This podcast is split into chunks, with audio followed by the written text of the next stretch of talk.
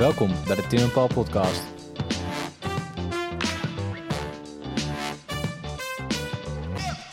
De aangekondigde revolutie, Digital Humanities. Al 15 jaar proberen historici computer science te combineren met geschiedkundig onderzoek. Vandaag hebben we een duo-gesprek met Thomas Smits en Melvin Wevers. Historische hotshots die zich bezighouden met big data, algoritmes en treinongelukken. Het talent heeft de toekomst en hoe zal de historische methode in de toekomst veranderen? Allebei even kort zeggen wie jullie zijn en waar jullie mee bezig zijn. En als jullie dan ook iets over jullie titel zouden kunnen zeggen of aanstelling. Ja. Want dat, daar hebben mensen vaak wel een mening over, maar die willen, wel, die willen wij wel in de beschrijving zetten. Snap Oké. je? En dan Ja, is het is even goed. handig dat je zegt wat je zelf wil. Oh, ja, ja, nee, ja, maar weet je, ja. mensen hebben dubbele aanstellingen, ja, ja, ja. dingen. Nee, en- Ja, nee, dat, dat, daar, daar kunnen mensen een beetje aan haal over zijn. Oké, ja, is goed. Nou, begin maar, Melvin. Dan, eh, ja. Eh, ja, ik ben Melvin Wevers. Ik ehm, eh, ben postdoc-onderzoeker bij het eh, KNW Humanities Cluster en dan specifiek bij het Digital Humanities Lab. Eh, aanstelling voor drie jaar waarin ik, waarbinnen ik ehm, allerlei computationele middelen onderzoek om historisch onderzoek te doen. Dus heel breed en open. Ja, ik ben Thomas Smits. Ik ben in januari van dit jaar gepromoveerd op een, aan de Radboud Universiteit op een eh, eh, 19e handel en 19e eeuwse illustraties van het nieuws. Ehm, nou, daar komen we zo misschien nog op hoe ik toen bij eh, Melvin toen terecht ben gekomen. Maar eh, op het moment werk ik als postdoc ook in het project eh, Remembering Activism. Ehm, en dat gaat over, het is een groot ERC, dus het is een Europees ge, gefund project in Utrecht bij Enrigney over ja, eigenlijk hoe protestbewegingen elkaar beïnvloeden of de herinnering daaraan. En ik doe daar de afdeling plaatjes. Eh, dus ik doe eigenlijk eh, plaatjes, maar dan van de 19e eeuw tot en met eh, nu.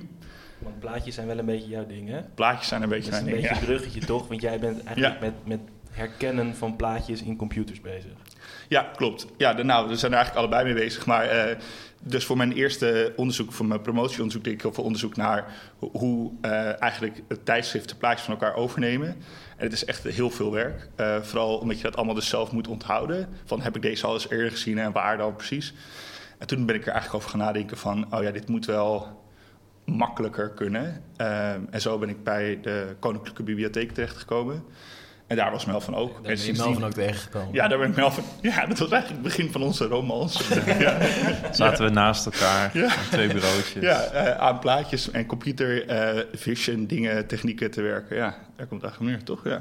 Ja, mijn route naar de KB ging eigenlijk dat ik in mijn promotieonderzoek onderzoek deed naar de representatie van de Verenigde Staten in historische kranten eh, in Nederland. En eh, een, een bron daarbinnen waren advertenties. En dus ik keek vooral naar de textuele content van, van advertenties en dan kijken of je met de computer al die teksten kon analyseren. Want, want, want waren die al zoekbaar, die advertenties? Die, Ja, dus op basis van de echt handmatig door al die kranten? Nee, nee, nee. Dus je kon gewoon een, een zoekwoord intikken als het ware en dan vond je een bepaalde advertentie.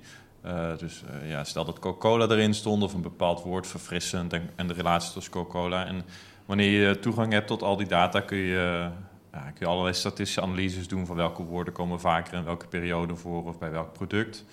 Ehm, maar een, groot deel dat ik miste was eigenlijk de, de, de beelden van die advertenties, dus de, de, de visuele kant van de advertenties. En ehm, ik had als, als plan om te kijken, oké, wat, kunnen we hier eigenlijk mee? Welke technieken zijn er om hier iets mee te doen? En zo ben ik bij de KB terechtgekomen. Dus ook vanuit mijn promotieonderzoek eh zoekende naar manieren om iets met die grote hoeveelheid beelden te kunnen doen. Nou, dan komt die jongens. Wat hebben jullie daar dan mee gedaan? ja, nee.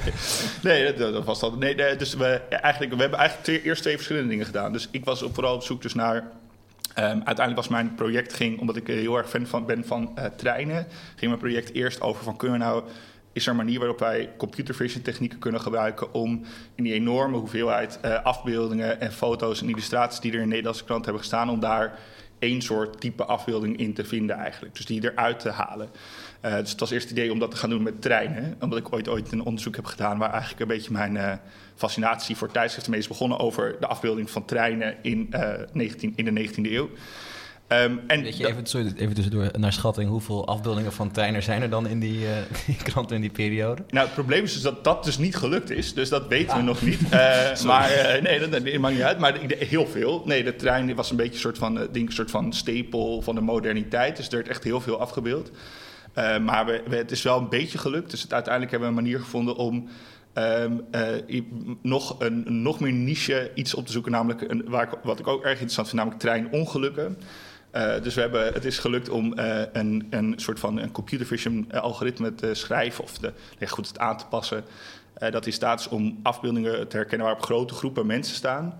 Nou ja, en, als, en in combinatie, dit is allemaal het werk van een hele goede programmeur bij de KB, Willem-Jan Faber. In combinatie met het woord trein, dat dan in, de, in het artikel staat, krijg je een hele hoop afbeeldingen van eh de treinongeluk, omdat daar veel heel grote groepen mensen bij stonden. Eh, over, je krijgt ook wel een paar afbeeldingen van treinopeningen van stations en zo, maar... eh, De nieuwe trein. ja, precies. Leuk. Ja. Ehm, maar goed, dus uiteindelijk heb ik me vooral gericht op het, eigenlijk op het vinden van het klassificeren van afbeeldingen in Nederlandse kranten. Dus we hebben ze er allemaal eigenlijk uitgehaald. En we hebben er, ik heb er twee dingen toe mee gedaan. Ik heb, we hebben een, een klassificatieding gemaakt dat een onderscheid maakt tussen illustraties en foto's. Een ander ding waar ik altijd in geïnteresseerd ben, dus wanneer gaat, worden illustraties vervangen door foto's in Nederlandse kranten. Nou, dat is heel goed gelukt. Illustraties bedoel je eh, tekeningen, cartoons, dat soort werk. Ja, vooral realistische tekeningen. Dus voordat er foto's werden gebruikt om het nieuws mee af te beelden, waren er ook realistische illustraties van het nieuws. Dus echt gewoon ja, zo realistisch mogelijk. Dus niet echt, ja, je hebt ook wel cartoons, maar dit is nog een ding dat ernaast staat eigenlijk. Ehm, en op een gegeven moment is dat dus overgenomen door de fotografie. En eigenlijk hebben we dus zo'n, die klassificatie, die, is gewoon, die gaat door alle afbeeldingen die er ooit in die Nederlandse krant hebben gestaan heen. En die kijkt gewoon illustratiefoto, illustratiefoto. En dan kan je er uiteindelijk een heel mooi grafiekje van maken. En dan kan je precies zien wanneer nou ja, precies. Je moet er altijd een beetje mee oppassen. Ik, eh, anders krijg je ruzie met Melvin. Maar eh, je kan ongeveer zien wanneer... eh, ja, je kan een beeld schetsen, een veel beter beeld schetsen... wanneer die illustratie eigenlijk wordt vervangen door de fotografie. Maar nog even voor de leek, zeg maar even. Dit doet de computer voor jou. Ja, Jij ja, drukt dus, op een knop en ja, dus ma- dat je de Matrix begint. Allemaal cijfers en dingen en dan... ja, dat is precies zoals het gaat. ja. Beetje kung fu tussendoor. ja, ja. Nee, nee, maar, nee, dus je, eh, ja, maar het is wel... Je, bent dus, eh, Willem-Jan, dus eh, samen met Willem-Jan hebben ze een, eh, ja, wat, we noemen dan, wat ze noemen een pipeline gebouwd. Dus daar gaat een afbeelding, die wordt ge, ja, geëxtraheerd. Eh, ik weet even niet het goede extracted, maar dus uit, de, nee, uit zo'n krant gehaald. Hè, dus je zoekt hem eerst op op de pagina. Dat is al een computer vision algoritme. Dan vervolgens gaat hij dus door zo'n klassificatie-algoritme. Eh, en vervolgens wordt hij inderdaad ehm, wordt die in een van de twee groepen ingedeeld. Het gaat inderdaad met eh, een heleboel cijfertjes, maar die, eh, misschien komen we daar ook zo nog een beetje hoe die dingen werken. Maar het gaat dus veel meer over, inderdaad, het gaat er vooral om dat hij probeert patronen te herkennen. Dat algoritme herkent patronen in de eentjes en nulletjes van die afbeeldingen. Ja. Zal ik, zullen we dat gelijk maar doen? Ja, dan? ja, go nuts, Nee, vertel. ja. nee, maar misschien als, anders... eh Melvin, begin jij daar anders eens mee? Zullen we, ja, hoe, hoe werkt de computer vision algoritme? Ja. Oh, nu, nu gaan we naar de details en dan Ja. eh, schrijven we Nee, jij kan ook wel Nee, beginnen. nee, nee maar, nee, maar ik denk wat je zegt inderdaad. Het, het zijn vaak patronen. Computers zijn heel goed in patronen herkennen in, eh, in heel veel data. Kijk, als wij naar twee afbeeldingen kijken, zien we overeenkomsten en, en dingen waar ze verschillen.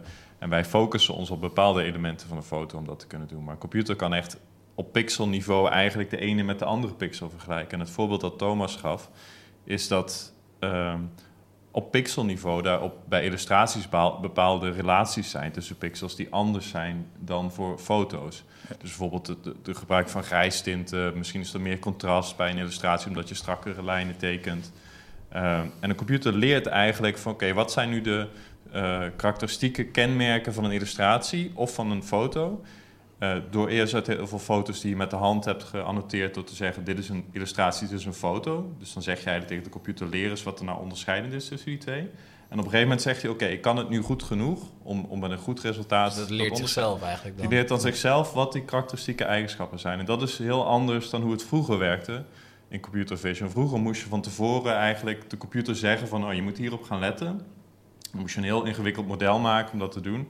En nu, eh, met technieken die ze neurale netwerken noemen, kun je eigenlijk zeggen: Oké, je moet hier iets uit leren, ga je gang. En dan, gaat hij, een, ja, een heel ingewikkeld proces. Maar na een tijdje gaat hij echt herkennen van dit zijn de elementen die onderscheidend zijn. En als je dat hebt geleerd, dan zeg je misschien met, een, uh, met punt 9 zekerheid, dus in 90% van afbeeldingen kun je zeggen van oké, dit is dit of dat is dat. Met, met zoveel zekerheid. Um, dan kan ik zeggen of het een illustratie of een foto is. En als je dan nieuwe foto's gaat geven aan het systeem, dan kan die dus gaan zeggen, zonder dat je hem van tevoren hebt gezegd wat het is, welke van de twee is. En dat is een voorbeeld om dat te doen. Maar je, je kan het ja, heel erg uitbreiden door objecten te, ook te herkennen in foto's of misschien stilistische elementen. En, en als hij dat eenmaal geleerd heeft, dan is het af. Of blijf je dan tweaken? Of? Ja, dat is een goede vraag. Dat, je, je, raakt een beetje aan een punt in, in machine learning wat, wat vaak lastig is, is dat als je een trainingsset hebt, dus een, een deel van afbeeldingen die je hebt uh, geannoteerd, dus uh, zijn de, er staat een kat op of er staat een hond op, en je Of traint een, of een trein, Een ongeluk. Ja, zeker. da- dan leert zo'n algoritme dat op basis van die trainingsset. En je kan zorgen dat die supergoed worden en dat op die trainingsset doen. Maar zodra je nieuwe materiaal, nieuw materiaal gaat voeden, dan is, het, dan is hij misschien minder flexibel om ook eens met dat nieuwe materiaal te doen. Dus er is altijd een soort trade-off tussen... heb ik nog genoeg vrijheid om ook wat flexibel te zijn in nieuw materiaal? Of ben ik echt super rigide naar mijn trainingsset toe? Dus die, die afbeelding die je geeft. En dat hangt heel erg af van de vraag die je stelt. Of je, of je dus die flexibiliteit wil of niet. Uh, in welke context kun je flexibel zijn? Bijvoorbeeld in medisch onderzoek kun je helemaal niet flexibel zijn. Want als je een fout maakt, ja, dat Ja, kan een leven kosten. duidelijk. Ja, 90% is dan wel echt eh, niet goed genoeg. Nee, terwijl als wij een keer een, een trein niet herkennen, nou ja, de wereld stort niet in. Dus dat, dat is een beetje, dat is altijd lastig. Dus daar blijf je altijd een beetje in tweaken. En, en je raakt dan eigenlijk ook aan een van de centrale punten die wij tijdens ons KB-onderzoek hebben ontdekt, is dat ehm, foto's, die uh, historische foto's, die bevatten elementen, dus uh, objecten, die door de tijd heen ook veranderen. Dus als je heel goed bent in een trein te herkennen, zoals die er nu uitziet, of misschien een trein uit de jaren 50, ben je misschien minder goed in een trein uit de jaren 60 of uit de jaren 30 te herkennen. Dus dat heeft een zekere flexibiliteit nodig om ook die treinen te kunnen herkennen. En dat, dat is iets waar heel veel hele moderne algoritmes eigenlijk geen rekening mee houden. Want ja, Facebook heeft niet zoveel te doen met historisch materiaal. Het is gewoon materiaal dat nu wordt gemaakt en waar nu iets mee moet. Maar op de lange termijn wordt het een probleem. Want op een gegeven moment zijn de foto's die wij tien jaar geleden op Facebook hebben gezet. Precies, die zijn alweer gedateerd. Ja, kijk naar je telefoon ja. van tien jaar geleden. Die ziet er totaal, Ja. anders, of, totaal uh, anders uit dan ja. een telefoon Ja. nu bijvoorbeeld. En dat, dat, daar wordt niet zo heel veel mee gedaan om daar echt uh, een oplossing voor te vinden. Ja, dit is wat Mel van Nieker heeft bedacht eigenlijk waarom uh, computer vision algoritme mensen eigenlijk ook historici nodig hebben. Omdat zij zelf, dat is natuurlijk een beetje ook uh, van, je hebt ons echt wel nodig. Maar Maar, wij eh, van WC 1. ja, dat- ik denk dat, wel echt een, dat we wel echt een punt hebben, is dat, het, ja, dat elk visueel materiaal of elk trainingsmateriaal voor machine learning of artificial intelligence technieken wordt op een gegeven moment eh, krijgt een historische dimensie. En daar houden die mensen die dat trainen, die computer scientists, eh, tenminste ik ken ze niet allemaal, maar ze lijken er vrij weinig rekening mee te houden. En dat gaat op een gegeven moment een probleem worden. En dat is voor ons, hè, dus voor mensen die met historisch materiaal werken, is dat nu al een probleem. En dat is ook iets waar we misschien een beetje van elkaar eh, kunnen leren of elkaar kunnen helpen. Want hoe groot is dit? ehm, Deze niche. Ja. De, ja, jullie zijn nu met z'n tweeën. Zijn jullie de enige twee die dit doen? Nee, oh, nou. het zou- Zo'n beetje ironie is. ja. nee, nee, we zijn niet de enige twee. Ik- Er zijn ook wel er, is een, eh, er zijn eh, twee ehm, eh, wetenschappers uit Amerika. eh, ehm, eh, Lauren eh, Tilton en eh, hoe heet ook? Taylor Arnold. Taylor Arnold. Die, en die hebben publiceerde vlak na wij dat ons artikel hadden gepubliceerd, publiceerden wij ook, zij ook een artikel dat hier grotendeels over dezelfde vraag ging. Eh, er zijn in de kunstgeschiedenis zijn er best wel mensen die hiermee bezig zijn. En dat is natuurlijk ook gewoon heel veel plaatjes kijken Ja, uiteindelijk. en heel. Even, studie kunstgeschiedenis even. Ja, heel het veel is heel plaatjes veel kijken. plaatjes kijken. Het is wel waar. Ik moest Ja. hele handboeken uit mijn hoofd leren joh, toen ik die minor deed. Maar ja, Ja, nee, maar dat is dus waar. Dus zij zijn. moeten inderdaad naar heel veel plaatjes kijken. Dus ook hier in het, eh, in, ehm, de, daar zijn ook, omdat er zoveel plaatjes zijn, en die zijn ook vaak heel goed beschreven, zijn ook weer hè, in de kunstgeschiedenis, zijn ook ehm, eh, zeg maar computer vision mensen daar weer in geïnteresseerd. Want zij zijn altijd op zoek naar wat ze noemen geannoteerde data. Dus eh, iets met iets hè, met een beschrijving al erbij, zonder dat ze dat nog hoeven te maken, want daar kunnen ze weer op trainen. Hè, dus in het Rijksmuseum ehm, is ook best wel veel onderzoek gedaan met de data van het Rijksmuseum, omdat dat gewoon een interessante set is, zoals ze dat dan noemen, eh, waar je veel mee kan. Ehm, even denken voor de rest. Nee, dat zijn wel de twee. Er zijn in de geschiedenis een, een paar, in de kunstgeschiedenis relatief veel, denk ik. Ja, en, en in Duitsland is er eh, onlangs een heel groot ehm, vaak hebben van die nationale wetenschapsagendas, je hebt van die focusgebieden. En in Duitsland is er een focusgebied rondom digitale, digitaal beeldmateriaal. En daar, daar worden nu projecten gestart voor mensen die er iets mee willen doen. En ik denk dat dat een groot verschil ook tussen een meer cultuurhistorische aanpak en een kunsthistorische aanpak is, is dat kunsthistorici iets formalistischer zijn, althans niet allemaal, maar sommigen. Dus ze hebben, ze hebben een methode die vaak iets duidelijker beschreven is dan hoe cultuurhistorici soms met een afbeelding omgaat. Dus veel interpretatie. En die stap van, oké, je hebt een afbeelding en je kijkt ernaar, je maakt een interpretatie.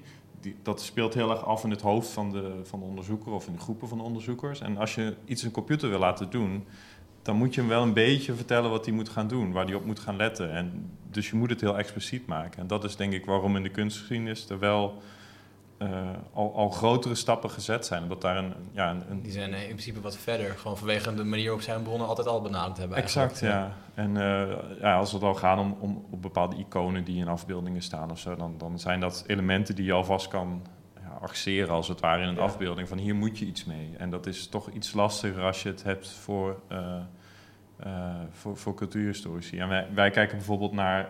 Um, project dat we nu doen is uh, uh, representatie van gender in, in afbeeldingen. Uh, en dan specifiek in advertenties. En in af, daar, is, daar is vrij veel literatuur over. En, um, het gaat bijvoorbeeld over ja. dat, een, dat een man altijd groter op een advertentie staat dan een vrouw. Of dat vrouwen vaak omhoog kijken, vaak naar mannen, en mannen altijd naar beneden. Wow, ja. En dat soort dingen. En dus wij zijn eigenlijk aan het kijken. Uh, we hebben dus een set van hoeveel, 1 miljoen bijna advertenties uit uh, het NRC Handelsblad. Dus het is. Uh, het gaat dan even voor de alleen over Nederlandse advertenties. Ja, voor, voorlopig ja. wel. En, en, eigenlijk het idee is om dus die. Hè, zoals Facebook gebruikt heel veel, of allerlei bedrijven gebruiken allemaal van die face recognition software. Dus dat ze jou eigenlijk proberen te, hè, te zien en dan zeggen van: oh, dit zijn trouwens je vrienden. Ze heten allemaal zo, dus ze zijn er al heel goed in. En wij willen eigenlijk kijken of we dat soort technieken ook kunnen gebruiken om dus dit soort uh, theorieën die er bestaan over de representatie van mannelijke en vrouwelijkheid op advertenties, om die ook te testen, maar dan op een hele uh, grote schaal. Eigenlijk dus, hè, dat, is, dat werd vaak, gingen dan mensen naar um, 400, 500, is dan al best wel groot, afbeeldingen kijken. Dan zeiden ze, nou, dit zijn onze theorieën. Ja. En nu met dit soort dingen kunnen we dus echt kijken van, nou, we kunnen dat op 1 miljoen afbeeldingen doen over een hele lange tijd in de geschiedenis. En ook nog kijken van, nou, kloppen die theorieën, maar misschien zijn er ook wel afwijkende gebieden waarin bijvoorbeeld uh, in de jaren 50 uh, vrouwen opeens wel uh, heel groot, groter ja. waren dan mannen. En waarom is dat dan? Dus het geeft je ook weer nieuwe ingangen in, de, in, de, in het materiaal eigenlijk. Ja. En kun je nu al, je zijn er nu nog mee bezig, maar kan je nu al iets over zeggen? Dat die, die, die, die theorieën die worden gebruikt op die 400, 500 afbeeldingen, is dat gewoon eigenlijk hetzelfde op 1 miljoen? Of is dat, zit daar wel echt duidelijk nou ja, kritiek op, zeg maar. Uh, we kunnen er nog niks over zeggen. Dus omdat het niet, niet omdat we niet, niet willen, maar we moeten het nog uh, gaan doen eigenlijk. Ja, de software is ja. nog niet af. Dus we hebben dus, nee, de software is ook nog niet af, maar we hebben dus al wel, wat we al wel hebben, wat echt de belangrijkste stap is, hè, dus de, net wat ik vertelde over die geannoteerde dataset. Dus we hebben nu net onze eigen dataset geannoteerd om te testen of we ten eerste moeten die uh, face recognition algoritmes dus goed gaan werken op historisch materiaal. En dat is al eigenlijk probleem 1, want dat, ze zijn daar veel minder goed in. Hè. Dus dat is dat hele idee van historiciteit van afbeeldingen. En, Brillen die veranderen bijvoorbeeld als je naar gezichten kijkt of zo. Ja, ja. ja en, en, ook, en, en, ook hoe inderdaad een, wat een man en een vrouw is. Dat is gewoon, ja. ja. dat is gewoon, je ziet gewoon dat dat verandert. Ook al als je, als je daarnaar gaat kijken, terwijl wij die uh, afbeeldingen aan het annoteren waren, dan zie je gewoon dat dat verandert. En daar moeten die algoritmes dus ook iets mee gaan doen. Dus we moeten een, een set hebben die uh, we kunnen gebruiken om te testen hoe goed we eigenlijk zijn in het herkennen van mannen en vrouwen in die hele lange periode, in die hele grote set. Dus dat hebben we nu net af eigenlijk. Dus nu in stap 2 is uh, ja, die, die technieken gaan maken. Nee, maar die, die zijn er al wel. Hè? Dus ja, want moeten dat die toepassen. af. Je zegt de techniek van Facebook, uh, Apple heeft dat ook toch in je telefoon, dat Mhm. je je gezicht herkent. Ik neem aan dat je die lui niet kan opbellen en kan zeggen: Goh, wetenschap, we willen het ook hebben. Toch, hoe, hoe kom je aan die techniek? Is dat dan op internet dat je dat wel kan vinden? Dat je iets vindt wat erop lijkt of zo? Ja, kijk, het, er, zitten, zitten meerdere kanten aan dit verhaal. E- Een van die kanten is dat Facebook en Apple en Google ook een deel van hun onderzoek openbaar maakt. En, eh, vaak niet hun algoritmes, want ja, daar, daar, het daar geld op. ja. Ja, dus ze, ze geven wel een soort van het, het basisalgoritme, maar ze trainen dat natuurlijk op allemaal data die ze hebben met grote hoeveelheden computers die de meeste mensen niet hebben en de meeste bedrijven ook niet hebben. Dus soms zeggen ze van ja, je kunt het zelf ook trainen, maar dat zou voor ons twee jaar duren om dat te doen, dus dat is helemaal niet eh, realistisch. Ehm, het andere is dat, er- dat heel veel onderzoekers dit soort software maken en openbaar stellen, die vaak dan eh, een contract aangeboden krijgen bij Google of Facebook en daar dan gaan werken. Dus dat is Ja. ook een hele goede manier om je onderzoek openbaar te maken als een soort open sollicitatie bijna. Ehm, dus, dus deels kunnen we dat soort technieken gebruiken. En het gaat er dan om dat we ze eigenlijk opnieuw gaan trainen op dat historisch materiaal. Dus eh, Thomas had het net over, over man of vrouw herkennen, of, Ja. of op een soort schaal van mannelijk of vrouwelijk te herkennen. Maar een stap daarvoor is eigenlijk nog gezichten herkennen. De, de meeste gezichten die nu herkend worden, zijn gezichten die in foto's, eh, op foto's worden afgebeeld. Terwijl eh, advertenties vaak illustraties hebben en vaak ook ja, bijna een karikatuur van mensen. Dus een, hele grote neus bijvoorbeeld of zo. En dat, die algoritmes zijn het eigenlijk niet echt gewend om daarmee te werken. Maar het is niet dat ze technisch niet echt kunnen. Het is een beetje tweaken dat je zegt, oké, je moet nu iets meer eh, eh, eh, variatie in, in neuslengte kunnen accepteren eigenlijk. Dus je moet minder strikt zijn als het ja. ware. En dan trainingsmateriaal eigenlijk voeren aan, de, aan het algoritme. En dat, dat is, we hebben dus nu dat geannoteerde materiaal.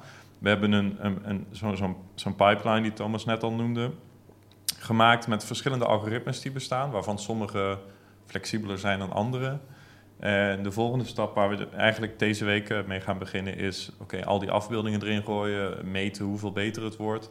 En als we dat uiteindelijk hebben, dan krijgen we allemaal informatie uit die afbeeldingen. En daar kunnen we dan weer verdere analyses eh, En hoe toepassen. presenteert die informatie zich dan? Is dat, ehm, ja, is dat een lopend verhaal wat je terugkrijgt van, de, van die computer? Of is, moet je daar zelf nog heel veel goed naar gaan zoeken? Een Wat- Excel-sheet of zo. Eh, Nee, nou het- ja, ja. Je, je, kan- je kan het zo heel simpel maken als je wil. Dus je kan gewoon terugkrijgen per afbeelding hoeveel mannen, hoeveel vrouwen staan erop. Dus dan heb je gewoon keiharde cijfers. Je kan ook zeggen per gezicht eh, hoe eh, zeker ben je dat dit een gezicht is. Of hoe zeker ben je dan dat dit een man of een vrouw is. Wat ook heel interessant is. Want stel dat je gezichten vindt waar het algoritme onzeker is. Of periodes waar meer onzekerheid is. Dan zegt dat ook wel iets over die... en dat geeft het minder- programma aan. Ja, die geeft, hij, geeft een, zeker. ka- hij geeft een kans aan. Dus het Ja. per gezicht zegt hij eigenlijk... Als je vraagt van is dit een man of een vrouw... zegt hij eh 0,6, eh, dat is heel laag, 0,65. Eh, eh, 4 misschien wel. Je kan, nou, je, kan zoveel, je kan zoveel achter de komma doen eigenlijk als je wil. Mhm. Eh, maar ja, dus hij geeft een zekerheid of een onzekerheid aan. En dat zegt dus dat zegt twee dingen. Het kan twee dingen zeggen. Tenminste, het kan iets zeggen inderdaad, zoals Mel zegt... waar wij natuurlijk heel erg geïnteresseerd zijn is... ehm, misschien is op dat moment mannelijkheid of vrouwelijkheid wel wat minder eh, binair of wat minder rigide. Nou, dat zou heel erg interessant zijn. Maar het kan natuurlijk ook iets zeggen over eh, je algoritme op dat moment. Dus het is, en eigenlijk zegt het altijd wat over allebei. Dus het is een soort van eh, moeilijke interplay. Het is heel moeilijk, je moet daar, we moeten daar heel voorzichtig mee zijn met conclusies aan verbinden. Maar het is wel iets wat eigenlijk tegelijkertijd altijd hele interessante resultaten op kan leveren. Hele flauwe vraag misschien, maar we hebben het erover gehad dat je dataset dus nu veel groter is die je kunt onderzoeken. Maar uit dit antwoord begrijp ik ook een klein beetje dat je nog steeds de hele tijd mee aan het kijken bent en gaat het wel goed met het algoritme. Hmm. En wat, win je er dan nog wel tijd mee of is, is dat flauw, te flauw? Nou, dat is wel een goede vraag altijd. Ik bedoel, je moet er dus wel zorgen dat je er iets van tijd mee wint. Maar er, er zijn bij dit onderzoek wat we nu doen, eigenlijk twee dingen waarmee je tijd wint, denken wij. De, ten eerste is dat je nooit een miljoen afbeeldingen eh, bekijken. Is, dat is bekijken, onmogelijk. Nee. Dat- dus dat, hè, als, het echt, als, het, als het goed werkt, dan besparen we een enorme hoeveelheid tijd. Dat, dat krijgen we niet voor elkaar met tien mensen in tien jaar. Dus dat is wel echt, als je het echt goed zou willen doen. Nou, misschien is dat een beetje overdreven, maar, maar bedenk ook dat we er tijd mee besparen, omdat we dus andere mensen die ook iets willen doen met gezicht en historisch materiaal, eigenlijk een, nou ja, zo'n methode, een pipeline aanleveren, waarbij we eigenlijk zeggen van, nou, je doet dit, dit en dit, en dan verbetert je algoritme, verbetert eh, tussen de zoveel en zoveel procent. En je, je, kan, je kan naast gender, kan je een enorme hoeveelheid andere dingen Ja, maar dit gaat specifiek dan over advertenties, maar het kan ook voor alle andere waar gezichten in voorkomen waar je naar wil kijken. Dat kan gewoon, als jullie hier klaar mee zijn, Ja, kan je dat gewoon weggeven. Of, ja, dat, Ja. Is wel, ja dat is wel de bedoeling. Dus we, Ja. gaan het, eh, we zetten het open source eh, online, zodat andere eh, mensen iets kunnen meedoen. Ja. Ja, en maar- ik denk nog een, een aanvulling op, op je vraag van win je er nou echt tijd mee? Ik denk een, een ander verschil is dat ehm, het doel van Facebook bijvoorbeeld met zo'n gezichtsherkenning is heel anders dan het doel dat wij ermee hebben. Zij, ehm, ja, ze willen geld verdienen, dus Jullie- voor hun is het eigenlijk dat zij een Dat algoritme aan de moeten hebben. Verkopen. Ja, precies. En, en voor ons is het ook interessant wanneer het algoritme faalt. Want dat, zijn, dat zegt iets over de data of over het model of over onze interpretatie. Ehm, en in het verleden, stel dat je tien afbeeldingen, eh, of misschien honderd eh, afbeeldingen aan het bekijken was, dan zag je ook waar jouw eh, hypothese niet klopt met de afbeelding. Maar dan zeg je dat voor één afbeelding. En wij kunnen nu eigenlijk ook iets zeggen over de op schaal hoeveel afbeeldingen er afwijken, waar ze afwijken, wat, wat de kans is dat ze afwijken. Dus hoe onzeker is het algoritme in bepaalde periodes. En ik denk, als je die informatie gebruikt om vervolgens weer die analyse te doen, dan kun je eigenlijk zeggen, deze afbeelding is, is heel significant anders. Uh, want eigenlijk zijn de meeste afbeeldingen in deze periode gedragen zich vrij normaal. Terwijl als je in een periode zit waar 20% van de afbeeldingen afwijken, dan, dan zegt dat misschien iets meer over de, de grotere trends in, in visuele cultuur. Ja, wat, uh, wat al gezegd werd, dat je dan dus ziet van er is hier, is hier iets anders in de tijd aan de hand, toch? Dat zei jij, Thomas. Ja. Van, is dan nu bijvoorbeeld, uh, dat genderpatroon is dus niet zo zwart-wit op dat moment. Ja, nee, zeker. Dus ik denk dat dat, dat, dat een groot ding is. En je gaat dat om niet om het te, te filosofisch te maken, maar je gaat ook eigenlijk, we, we zitten eigenlijk een beetje in een ander uh, verklaringsmodel ook. Hè. Dus historici zijn vaak wat we noemen, doen kwalitatief onderzoek. En dat speelt een hele grote. Hè, dus je doet onderzoek op kleine schaal, zonder dat je zegt van we hebben iets met significantie of dat soort dingen. Want dat in cijfermatig dan, hè, omdat dat vaak heel moeilijk is aan te tonen. Um, uh, of heel moeilijk sowieso, het, het doen daarvan is heel moeilijk. En dit onderzoek wat wij doen ligt zo stellen we het onszelf een beetje voor, ligt er eigenlijk een beetje tussen, tussen die twee dingen in. Dus we hebben een, wat we noemen een kwantitatieve component. Hè, dus we, kunnen, we doen het echt op een enorme hoeveelheid afbeeldingen. We kunnen zo'n these echt kwantitatief testen. In plaats van hè, dus zeggen van oké, ja, het klopt volgens ons gevoel. En die mensen hebben daar heel goed geclose uh, read, zoals dat heet. Hè, dus van dichtbij alles geïnterpreteerd. Maar we kunnen echt kijken of dat nou over die hele periode echt klopt.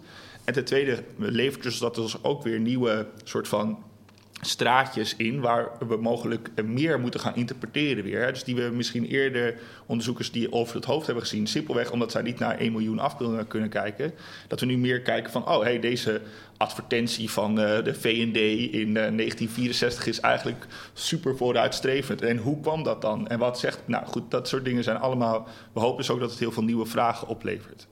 En hoe zit het dan, want je zijn nu dan bezig met vooral onderzoeken van de afbeelding bij NRC. Mhm. Maar ik kan me voorstellen als je adverteert dat je ook gericht uh, op plekken gaat adverteren. Dus iemand die bijvoorbeeld een, een advertentie plaatst in uh, een Vrij Nederland of in uh, Parool, zal misschien iets ander beeld willen creëren dan mensen die dat bij de NRC doen. Heb je daar ook rekening mee gehouden? Ja, nee, dat is, dat is het ding van de set. Dus we hebben nu gekozen inderdaad voor het NRC, omdat er zoveel advertenties zijn. Dus het is een beetje, en het is fijn om één bron te hebben die relatief, als pershistoricus zeg ik dat ook een beetje, die NRC blijft relatief qua karakter, blijft over de hele naoorlogstijd blijft het een beetje hetzelfde. Uh, hè, dus een beetje voorspelbaar. Het, is voorspelbaar, een beetje liberaal. Het is niet zo dat van de, als zoiets als de Volkskrant heel erg uh, toch behoorlijk van karakter verandert. Dus je hebt een voorspelbare set in één krant. En zodra we, zodra we dit aan de praat hebben, ja, het, is geen, het is geen probleem om ook de advertenties van de Volkskrant te downloaden. Dan kan je juist weer gaan vergelijken dus- tussen de Volkskrant en de NRC, toch? Precies, dus als het werkt gaan we helemaal los. Alle kranten, ja. is meer veilig. Nee. Helemaal leeg downloaden. Nee. ja, maar dat, is, maar dat is wel een goede, dus dat is een hele goede. Dus we kunnen nu alleen niet zeggen over de NRC, maar dat geeft wel een heel mooi beeld. Het is een mooie omlijnde, uh, een mooi omlijnd corpus. Ja, dan kan je daarvan leren en dan pak je het gewoon op, uh, op andere kanten ook mee. Ja. ja. Ik ben nog wel naar iets anders benieuwd. Jullie zijn alle twee historici maar zijn nu echt met, met eentjes en nulletjes bezig, programmeren, dingen, computers. Hoe? Waren jullie altijd al met dingen bezig te doen? Zelf de computer repareren thuis? Of is het een soort van noodzakelijk kwaad? Nou, ik ga deze vraag vooral heel erg aan Melvin uh, doorpassen. Ik moet eerlijk zeggen dat ik, uh, ik kan dat wel een beetje, maar het is vooral, uh, ik vergelijk het zelf graag altijd met iemand en, die weet hoe een auto werkt. Dus ik weet hoe de auto werkt en dat is al heel wat, denk ik, voor een historicus. Maar Melvin kan ook daadwerkelijk de auto repareren, het zo, zullen we het zo zeggen. Dus nee, dus misschien plaats ik die even door naar hem. Nu, ja, ik weet dus niet hoe auto's werken, maar... computers daarentegen. Ja, nou... Ja, het is ja, ik, ik was vroeger dat ik echt dacht, ah, ik ga iets met computer science doen of zo. En toen, uh, toen dacht ik, ah, ik wil uh, computergames maken. Maar toen was er nog niet echt een opleiding voor in Nederland. dacht ik, ja, daar heb ik geen zin in. Dus toen ben ik gewoon geestwetenschappen gaan doen. Maar het, ik, ik bleef het altijd wel interessant vinden. En uh, toen mijn promotie... toen er een vacature was voor mijn promotieproject, toen, toen stond er van: oké, je kunt text mining doen, dus tekstanalyse met de computer doen. En historisch onderzoek dacht ik, nou, dat brengt dat, dat, die oude interesse er weer bij. En toen, en toen kwam ik een beetje op zo'n soort uh, zo'n crossroads bijna van... ja, wat is nu slim om te doen? Is het nou slim om echt op die computeranalyse in te zetten? Of is het gewoon een hype uh, dat we nu denken big data, we kunnen het allemaal doen? En toen dacht ik, ja, ik, ik kan het niet half doen. Als je dit wil doen, dan moet je er gewoon heel veel tijd in steken. En toen heb ik besloten om ja, best wel veel tijd in het leren programmeren en het, het, het bijhouden van die literatuur in computer science of in uh, Dat is natuurlijk ook letterlijk een vak apart, toch? Dat Ja, ja, dat is-. Dat, dat gaat met de dag, ja, worden daar sprongen gemaakt. Ja, al, al vind ik ook dat er heel veel navelstaderij is in, in dat vakgebied, waar, waar ze ja, de hele tijd bezig zijn om het, om het algoritme net een klein beetje te verbeteren. Een beetje als je het dan over auto's hebt, van die, van die mensen die dan met een auto lopen te patsen, die dan net iets sneller optrekt of zo, omdat ze net het iets anders af hebben gesteld. En dan de vraag is dan soms van, ja, welk wetenschappelijk doel telt het? Kijk, er worden inderdaad grote stappen gezet hoor, dat ontken ik zeker niet. Maar heel veel artikelen, ja, die, die zijn voor mij ook niet heel boeiend. Omdat ik denk, ja, er wordt nu een heel klein beetje vooruitgang geboekt. Maar het, het lastige is wel ergens dat het de... Het is een hele andere cultuur van publiceren. Dus hoe je, hoe je artikelen schrijft en hoe je ze publiceert dan in, dan in traditioneel historisch onderzoek. En het is een hele andere manier van schrijven. Eh, historici vinden het narratief heel belangrijk, de manier waarop ze de, de, de lezer overtuigen van een punt. Terwijl in computer science wordt er vaak het experiment heel strak uiteengezet en op het eind, nou het werkt zo en zo goed, nou klaar, dit is het. Volgende. Ja, terwijl als je die twee dingen... erin, eh. Ja, dus, maar als je die twee dingen bij elkaar brengt, krijg je ook een heel schizofreen resultaat. Waarin je eigenlijk een mooi verhaal wil vertellen, maar dan weer met cijfertjes en formules komt. En, eh, en daar is nog niet echt een hele mooie vorm voor om dat te doen. Dus wat wij proberen te doen is eigenlijk artikelen schrijven die een beetje dat hele strakke computer science element hebben. Waarin we dus beschrijven, oké, het, het systeem werkt nu. Eh, en dan dat gebruiken in een historisch narratief om eigenlijk daar een verklaring te geven voor, iets. En dat, ja, het voelt soms een beetje alsof je twee dingen tegelijk aan het doen bent en twee petten op hebt. En dat.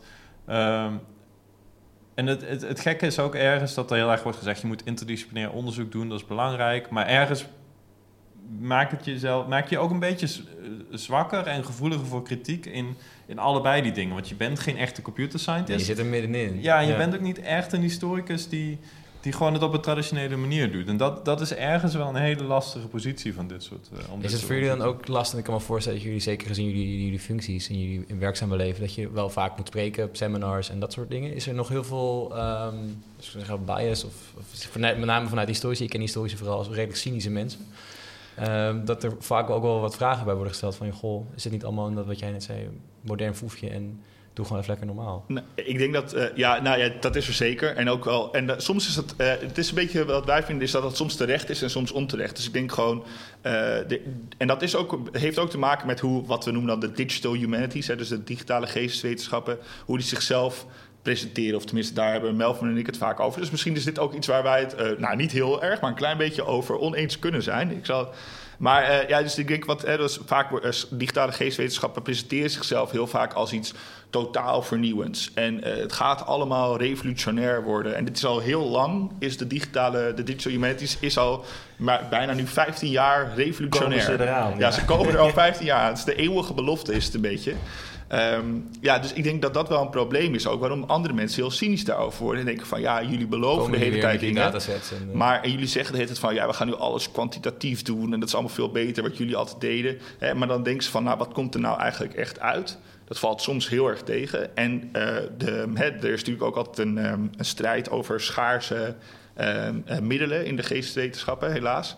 En daar wordt wel vaak zo'n verhaal over ik ga iets kwantitatief doen en misschien eh, kan ik wel samenwerken met Google. Dat overtuigt eh, eh, de, de VVD-politici sneller dan die nu aan de macht zijn dan ik ga iets heel subtiels doen met close reading en kwalitatief Een onderzoek. nuanceverschilletje. Ja. Terwijl, we dat, terwijl ik dat allebei heel erg belangrijk vind. En ik denk dus dat ook dat, we, dat, dat we eigenlijk ja, die extreme, die zouden dus aan de ene kant de hele cynische historici en aan de andere kant een soort van eh, eh, profeten van de digital humanities, die zouden eigenlijk allebei hun mond hou- moeten houden. En gewoon in het midden de, moeten de, ja, dat klinkt een beetje wel heel eh, eh, redelijk D66 van me, maar de mensen moeten in het midden, ja, de, de redelijke mensen moeten elkaar in het midden een beetje vinden. En ehm, dus we hopen dat we dat ook, ja, we hopen dat er wel een beetje daaraan bij te dragen door niet te veel, eh, de- door de resultaten te laten spreken en niet, eh, niet te veel eh geblater omheen. Zeg Maar maar. is niet ook een beetje het probleem dat het toch redelijk ontoegankelijk is? Dat het een beetje is zo van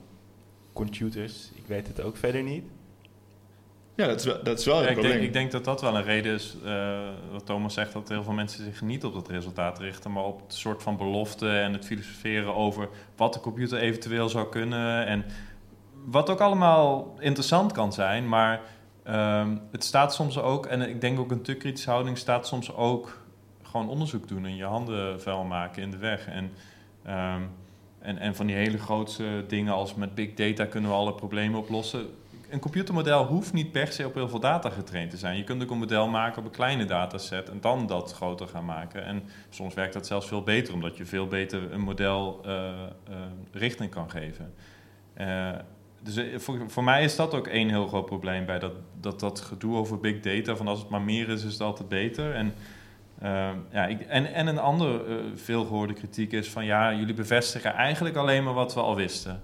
En dat, daar zitten twee dingen in. Ergens is het een confirmation bias, want in dingen die dat inderdaad doen, daarvan zeg je het. Maar als je iets een beetje anders laat doen, dan hou je jezelf stil. En een ander ding wat ik heel opmerkelijk vind, is dat bijvoorbeeld in sociale wetenschappen of in de exacte wetenschappen, is het bevestigen van een theorie met meer data of betere modellen is eigenlijk heel erg belangrijk. Is Ja. goed. ja, het is gewoon top. Van, ja, we hadden gelijk. Nou, Ja, dit medicijn werkt echt heel goed. We hebben Ja. het niet op 10 mensen getest, maar op 10.000 mensen. Ja. Het werkt nog steeds. Terwijl als je dat over een historisch proces zegt, van uh, oké, als er dit en dit gebeurt, dan, dan is het uh, dit effect. Dan is het vaak zo van, ja joh, dat wisten we toch al lang. Ja, op je NS1-studie die je op één persoon hebt. Kijk, en da daar verschillen wij misschien een beetje, dat, dat, dat Thomas en ik, dat ik daar echt heel erg slecht tegen kan van dat soort kritiek. Omdat... Um, omdat ik gewoon zie dat dat in de sociale wetenschappen gewoon helemaal niet zo'n discussie is. Daar noemen ze ook dingen gewoon al jaren mixed methods. Mm -hmm. We doen kwantitatief en kwalitatief. We maken daar gewoon een vorm. En in de geestwetenschappen zijn we nu al, al, al, langer dan 15 jaar, al, al echt veel te lang die discussie constant aan het voeren van ja, we moeten een brug slaan tussen die dingen. Ik denk, ja, sla die brug dan. Doe in plaats van ja, ja, het is een vrij conservatieve wereld waar je dan uh, in begeeft. Vaak wel, inderdaad. Ja. Ja. En, en, het is ook een, en het is ook een uh, richtingenstrijd. Hè. Dus er was natuurlijk een, een tijd lang vooral in de historische wetenschap en in de literatuurstudies waren we heel erg gericht op het, ja, wat uh, ik zou het, het nieuw historicism kunnen noemen. Dus echt op het hele specifieke, juist uh, richten op het specifieke. In plaats van het genera generele of meer generaliseerbare. Hè. Dus het was juist van alles is specifiek, alles is zijn eigen ding. En dat is heel belangrijk om daar oog voor te hebben. Nou, dat vind ik nog steeds, dus dat is heel belangrijk. Ja. Maar die mensen die, die zien natuurlijk wel, die, die, worden een beetje, ja, die worden een beetje angstig als, je, als wij dan komen met van... wij hebben 1 miljoen afbeeldingen en we gaan nu zeggen dat dit, dat dit significant is. Dan denk, zijn ze heel erg bang van, oh ja, maar... Maar ik heb het over vioolbouwers in de, op de Zeedijk in 1626. Ja, en die zijn, waren ook heel belangrijk. Nee, en dan, en dan, maar weet je, dus het is een beetje... En ik snap dat ook wel voor een deel, omdat zij natuurlijk bang zijn... dat, dat daarmee hun methode... Uh, wordt vervangen. Maar, en dat, en dat is, is voor een deel ook zo. Het is dus, ook toch door, ja, wel een beetje het gouden ei waar jullie op zitten, toch? Want wil je niet als historicus over de lange termijn dingen, weet je, patronen waarnemen en veranderingen zien? En als ik jullie goed hoor, zijn jullie dus nu een heel klein stapje verwijderd om dat, of een klein stapje, maar het moet nog gaan gebeuren. Maar met die gezichtsherkenning en die, en die, en die genderdingen, het is wel een ding of zo, als het werkt. Ja, zeker. Dat zou zeker een ding zijn. Maar ik denk dus wel dat we, ja, dat, voordat wij ook in, de, in onze eigen valtrap, is dat je wel heel erg moet oppassen met zeggen van, oh, we gaan nu. Uh, en misschien ben ik daar wel als cynische historicus voor uh, te veel voor. Dat ik wel denk van, ja, weet je, de, de geschiedenis is ook heel specifiek. Dus het echt, ik denk dat je zeker patronen kan herkennen. Uh, maar op een gegeven moment loop je ook tegen de limieten daarvan aan. Dus ik denk dat de, de echt grote verhalen die uit de digital humanities komen van, we gaan patronen herkennen en die over de eeuwen heen en die uh, skronkelen zich zo. En dan, oh, nou, ja, dat, daar, daar geloof ik gewoon niet zo in. Okay. Uh, maar ik denk wel dat, ja, dat gouden uit denk ik niet, maar ik denk dat we, dat we heel leuk en relevant onderzoek doen voor heel veel mensen. En als, als, als iedereen wat meer open zou zijn, dat we dan uh, wat constructiever uh, discussies zouden hebben. Maar dat geldt niet alleen voor de mensen die nu, zeg maar, de cynisch, traditionele cynische historici die hun vakgebied verdedigen, maar ook voor de, ja, de profeten van de digital humanities, denk ik. Oké, okay, nou, uh, duidelijk. Goed, ja, goed betoog. Af, je, ja, je hebt het net over um, dat je nog niet helemaal ziet dat het echt over de grote verhalen van over de, de honderden jaren gaat. Maar waarom niet? Waarom misschien niet nu? Want jullie zijn nog maar met z'n tweeën. Um, plus de kunsthistorici en de twee Amerikanen die je net noemde. Ja. Maar laten we zeggen over een jaar of twintig, dertig?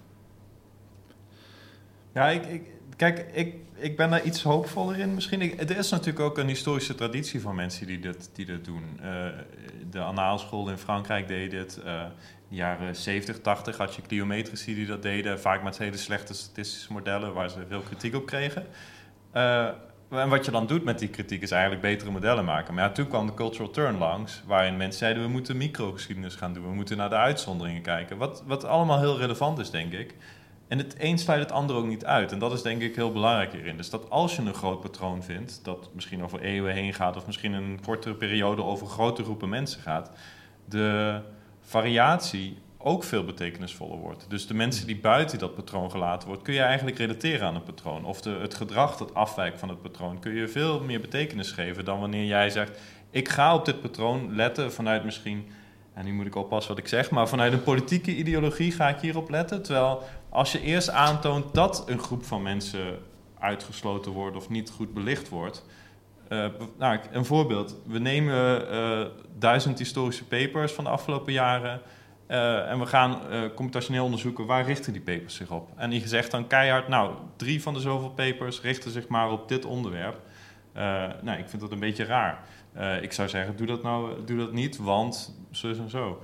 Dan, dan heb je een, dan, dan meng je dat kwantitatieve met een kwalitatief aspect, waar je altijd nog politieke ideologie kan inbrengen, maar je, je onderbouwt het empirisch gezien iets sterker, denk ik. En, mhm.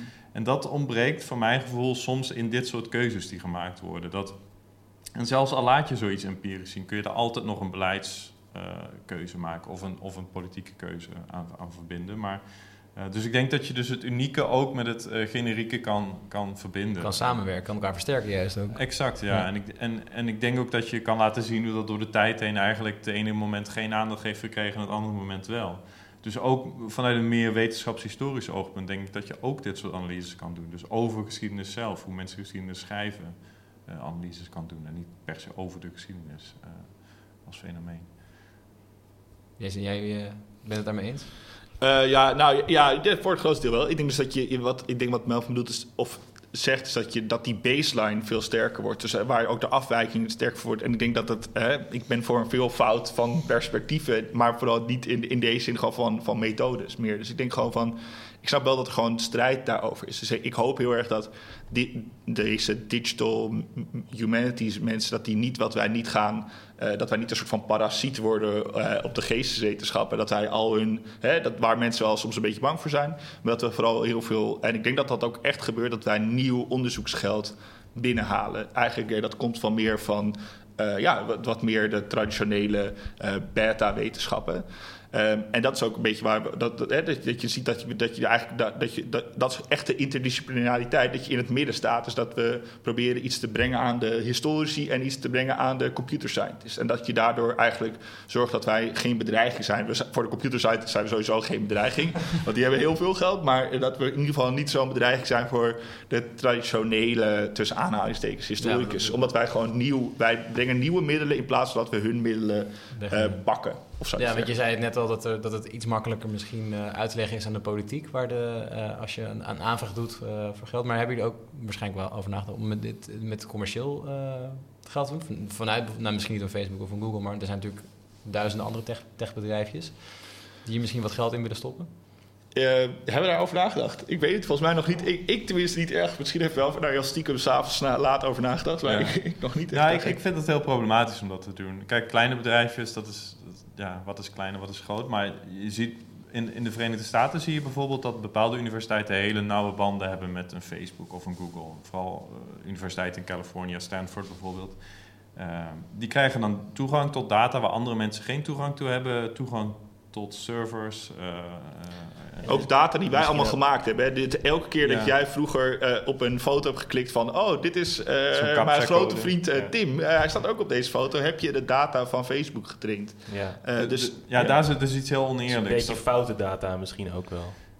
Ja, kijk, qua representativiteit kun je vragen stellen, maar ook gewoon qua toegang. En dat, daar, daar zit voor mij iets heel problematisch in. Ik, en dat is nu in Nederland zo, als je onderzoek door de overheid wordt gefinancierd, moet je onderzoek openbaar maken, je algoritmes ja, openbaar Je betaald door het publiek, dus dan moet je dat ja, teruggeven. Uh, ja. En zodra je met een bedrijf gaat werken, dan, dan wordt dat altijd een beetje, een beetje troebel. En, en het, het kan ook troebel worden in en dat is meer een, een centralere kritiek die ik soms op algoritmes heb. Van wat is het doel van zo'n algoritme? Is het doel om zo snel mogelijk voor een grote groep van mensen een goed resultaat te geven? Dat is niet altijd het doel dat wij met een algoritme hebben. Misschien willen wij juist die outliers vinden, die dingen die afwijken in een dataset. Ehm, dus, dus en ik denk dat dat, het hoeft niet per se zo te zijn, dat dat, dat, dat uh, um, strijd oplevert met een bedrijf. Maar ik, ik denk dat er meer ligt in samenwerken met archiefinstellingen, met musea, uh, bibliotheken. Kunstenaars. Die, ja, kunstenaars die toch meer georiënteerd zijn naar het publiek toe. Het, het beschikbaar maken van die data, het, het, het, anders doorzoekbaar maken van data. Daar ligt denk ik meer potentieel dan, dan het samenwerken met een bedrijf die toch vaak een commercieel oogpunt hebben. En ook zonder politieke reden, gewoon omdat het puur voor ons denk ik in ieder geval uh, denk ik ook gewoon meer interessanter is. Wij zijn gewoon geïnteresseerd in vragen die uh, interessanter zijn voor ja, het grote publiek, zeg maar, de algemene iets burger dan die in, per se interessant zijn om. Ja, ik vind het niet zo interessant om voor Facebook iets te maken waardoor zij net ietsje beter zijn in geld uit hun gebruikers ja. trekken. Dus dat... Maar het ligt toch ook best wel ver uit elkaar, toch, wat jullie doen en wat Facebook doen? In, in een zekere zin wel. Hè? Dus, maar aan de andere kant, dus dat gaat dus heel erg. Ik denk dat die historiciteit echt op een gegeven moment, dus de het historiciteit van afbeelding op een gegeven moment echt een groot probleem gaat worden. En ik denk dat ze op een gegeven moment, je zou, we zouden wel, ik denk dat er best wel mogelijkheden zouden kunnen zijn waarop wij. En ze zijn ook vaak, die zijn ook vaak, uh, het is uh, een beetje raar in tegenstelling tot de overheid. Hey, is zo iemand als Facebook of zo'n bedrijf als Facebook is heel erg, of Google heel erg geïnteresseerd in fundamenteel onderzoek. Hey, omdat daar kom, komen de grote uh, veranderingen ja. vandaan. He, dus dat, dat die neurale netwerken, die, zijn ook, die waren ook, kwamen ook ergens uit een uithoek van Canada ergens. He, waar mensen dat op een gegeven moment aan het doen waren. Dat opeens heel groot is geworden. Dus ik denk dat dat is, zij zijn veel meer geïnteresseerd. De overheid is heel erg geïnteresseerd in valoriseerbaar onderzoek. Terwijl Facebook denkt van, nou ja, als jij iets fundamenteels doet met data en met hun algoritme, dan zijn ze daar in principe vaak best wel blij mee. Ja, ja dus dat, het is een beetje ironisch, een beetje, uh, eigenlijk een beetje een ironische situatie soms. Ja.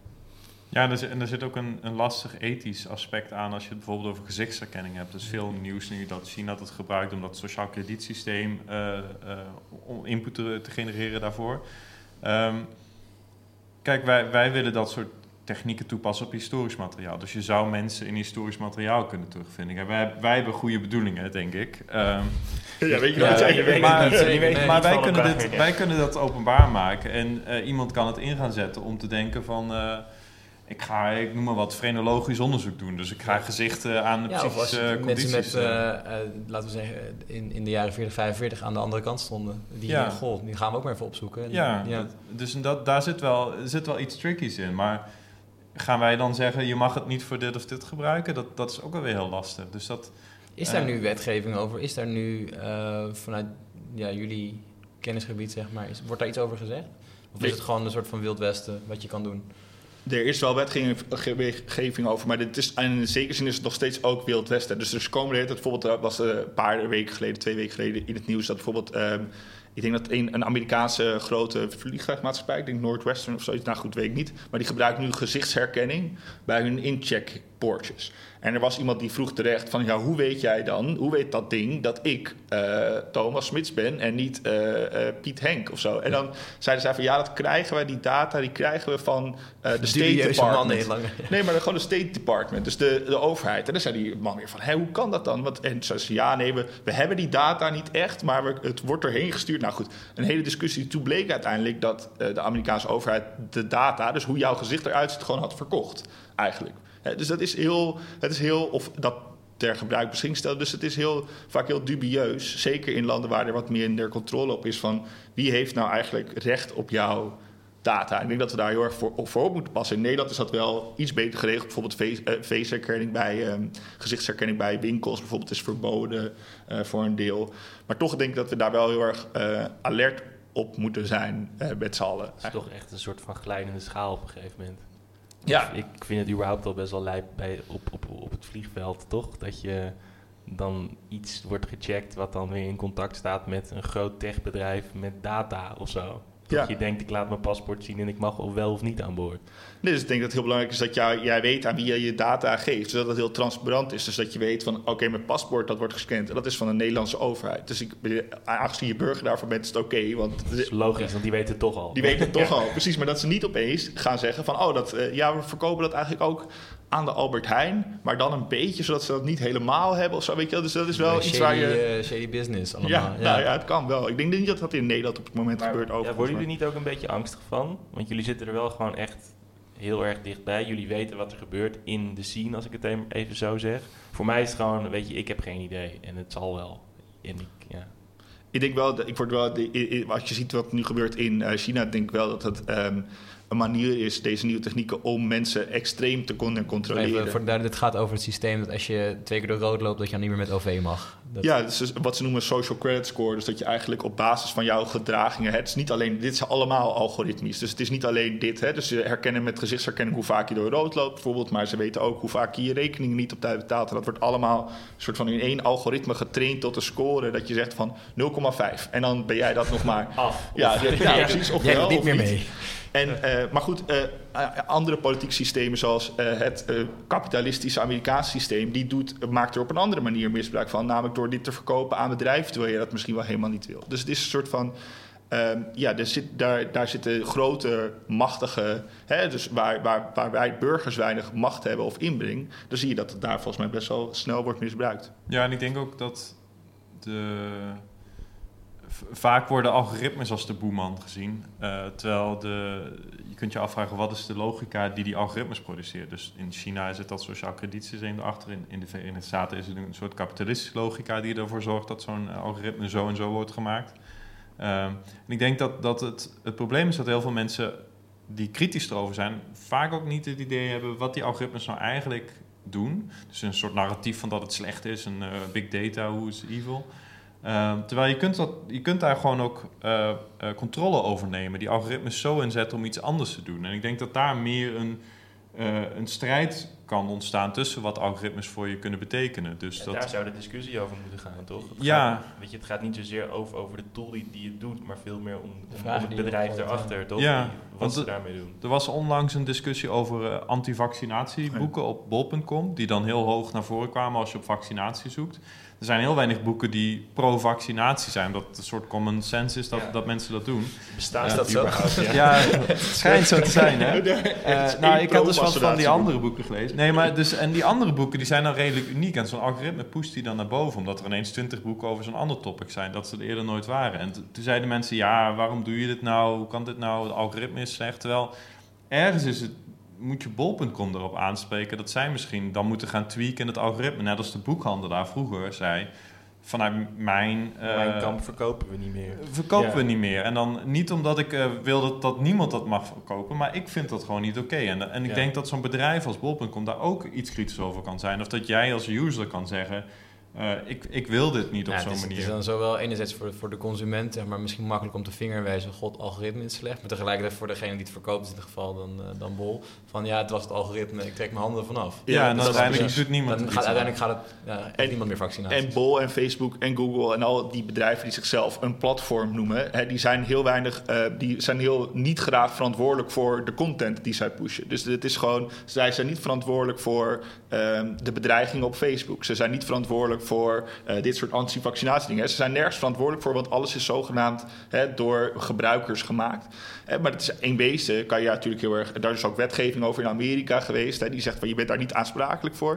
Maar in wezen kun je daar natuurlijk heel erg je, je, ja, je vraagtekens bij zetten van is dat eigenlijk wel zo? Zijn zij niet gewoon een. eh, net als een boekhonden verantwoordelijk voor wat zij verkopen, of net als een krant verantwoordelijk voor wat ze publiceren. Dus dat zijn, dat zijn ook dingen die wij, volgens mij, moeten burgers Ehm, eh, ja, dat klinkt een beetje, een beetje een soort van... hè, burgers moeten veel meer... Ja, we moeten weer die macht terugeisen daarvan. En zeggen van, we willen gewoon dat... We willen dat de overheid, dat is wel de enige manier... We willen dat de overheid dat weer regu- gaat reguleren. En zegt van, dit, dit is wat je wel en niet mag doen.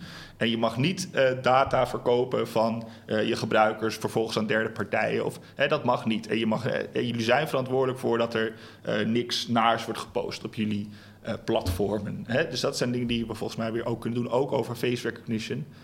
Ehm, trouwens, ook over de makers. We wer- wer- werken sa- samen met een ander project bij, eh, bij hier bij de Waag, eh, een instituut. Wat is het? Een soort van.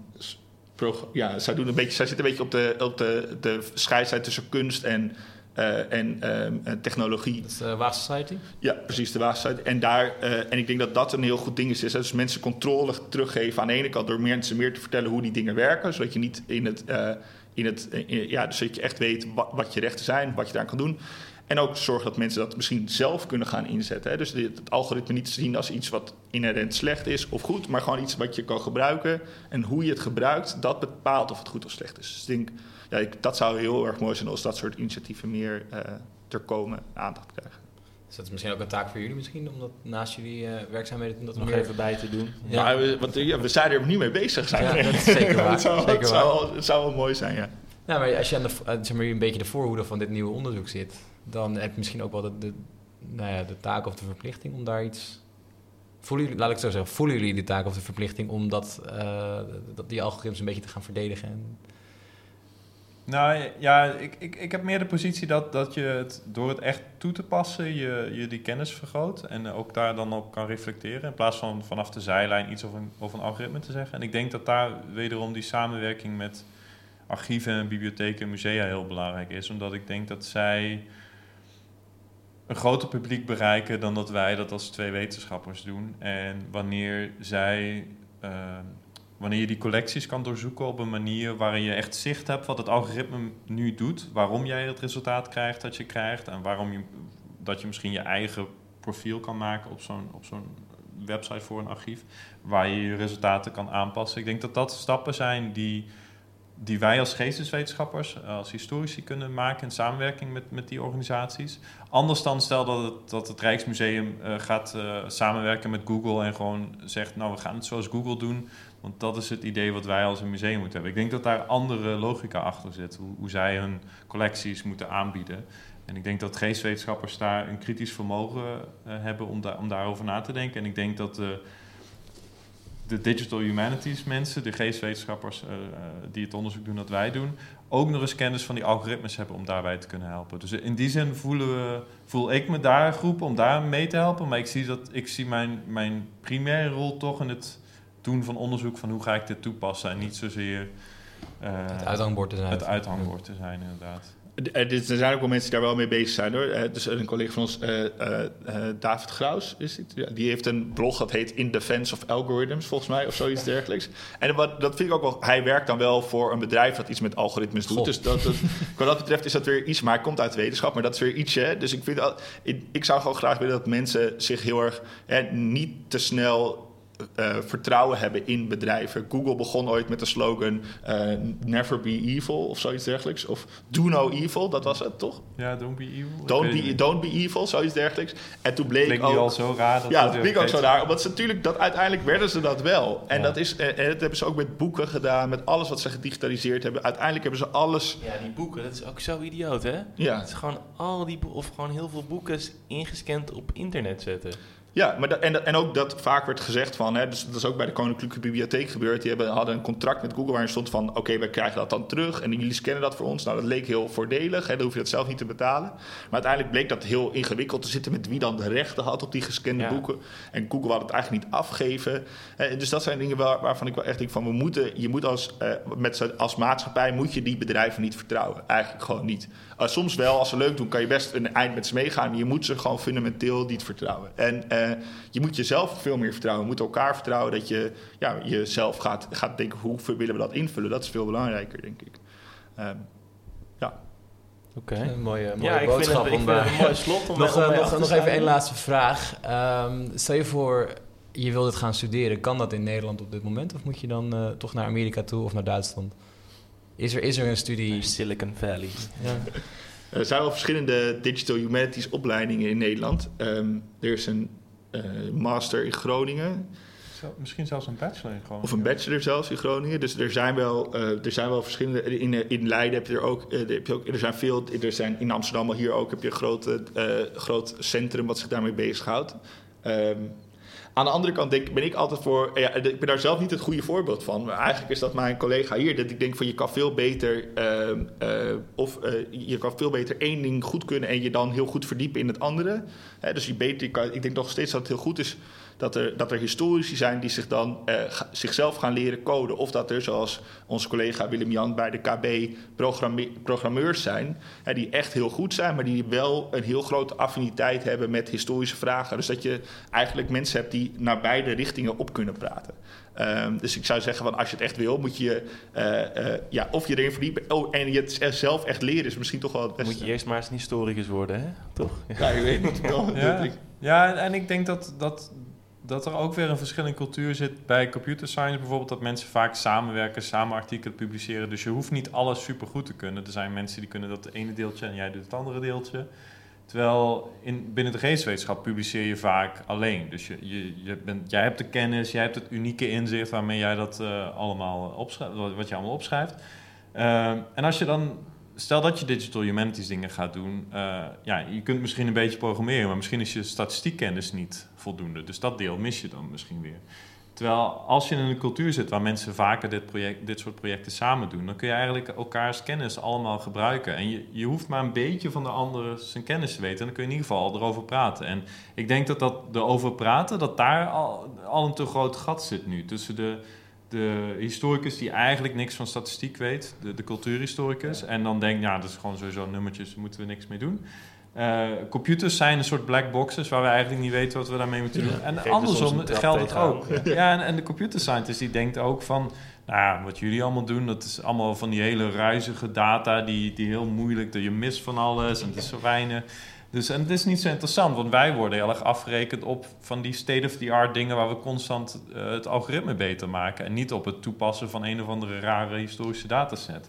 Dus en daar zit denk ik echt een hele grote stap nog. En dan kom ik toch met een brug slaan weer, waar ik helemaal tegen ben. Maar, eh, of in ieder geval dat hele verhaal erover. Maar, dus, en daar zit nog heel erg veel. En ik denk in zo'n opleiding, dan doe je één blok, dan leer je een Dat beetje programmeren. Ja, en dan? dan Kan je een Ja, website maken. zes ja. ja, dat is ook wel belangrijk. Ja, dus, dus, dus maar, de- maar nog Nee. steeds blijven die mensen die in de exacte wetenschappen of in de sociale wetenschappen zitten, die doen hun vakjes. En jij doet je vakken bij de geestwetenschappen. En dan komt er iemand van zo'n ander departement je misschien iets over programmeren zeggen. Of een docent die dat toevallig kan. Terwijl volgens mij is het veel nuttiger als je samen met mensen een vak doet en zegt: Oké, ik, ik sleep die sociaal wetenschappen bij de haren erbij en we gaan dit probleem oplossen en die perspectieven samenbrengen. En Ja, ja, dan je hebt het- dan liberal. het echt interdisciplinair. Ja. Ja, en in Utrecht heb je liberal arts, eh, een, een, een opleiding die dat, die dat probeert te doen. En die denkt dat, dat, wel, dat daar wel heel veel te halen valt om het echt bij elkaar te brengen. En niet een soort van tijdelijk even zo'n uitstapje te doen. Ja. Eh, Oké. Helder. Cool. Bedankt. Ja, oh, wacht even, wacht even. Oh, ja. Eh, jullie zijn nu bezig met onderzoek. Kunnen, wij, eh, kunnen jullie inschatten hoe lang dat nog gaat duren voordat je iets kunnen zeggen over de, de advertenties man en vrouw genderverdeling daarin? Ja, dus we publiceren het, eh, het eerste deel van het onderzoek bij de grote Digital Humanities conferentie die dit jaar in Utrecht is. En die is, eh, even kijken, begin juli, toch? Ja, rap. juli. Nou, juli. Ja, we, moeten- nou, Eh. we, moeten opgescho- we moeten opschieten, maar dan, ja, dan publiceren we. Dus dan gaan we de eerste resultaten bespreken. Dus ja, ik denk dat voordat we toe zijn aan een, ehm, eh, een echte publicatie, dat het nog wel eventjes duurt. Dan, Ja, ja, probeer- vaak duurt het ook heel lang als je iets instuurt voordat het gepubliceerd Ja. wordt. Maar ehm, ja, we houden sowieso op, op eh, kanalen als Twitter ook al mensen op de hoogte. Dus dat soort eh, bedrijven, daar gaan we dan wel mee in zee. Ja. Maar, Groot Ja. kapitaal. ja. Toch, toch uiteindelijk voor het zwicht voor het grote geld. Ja, Ja, je Alleen voor Twitter. ja. Goed, eh daar zijn we denk ik wel. Ja. Bedankt. Jo, dankjewel. Ja. Zo. Vond je dit nou een interessant verhaal? Check dan onze leeslijst in de omschrijving. Abonneer je op ons podcastkanaal en check onze Facebookpagina. Groetjes thuis.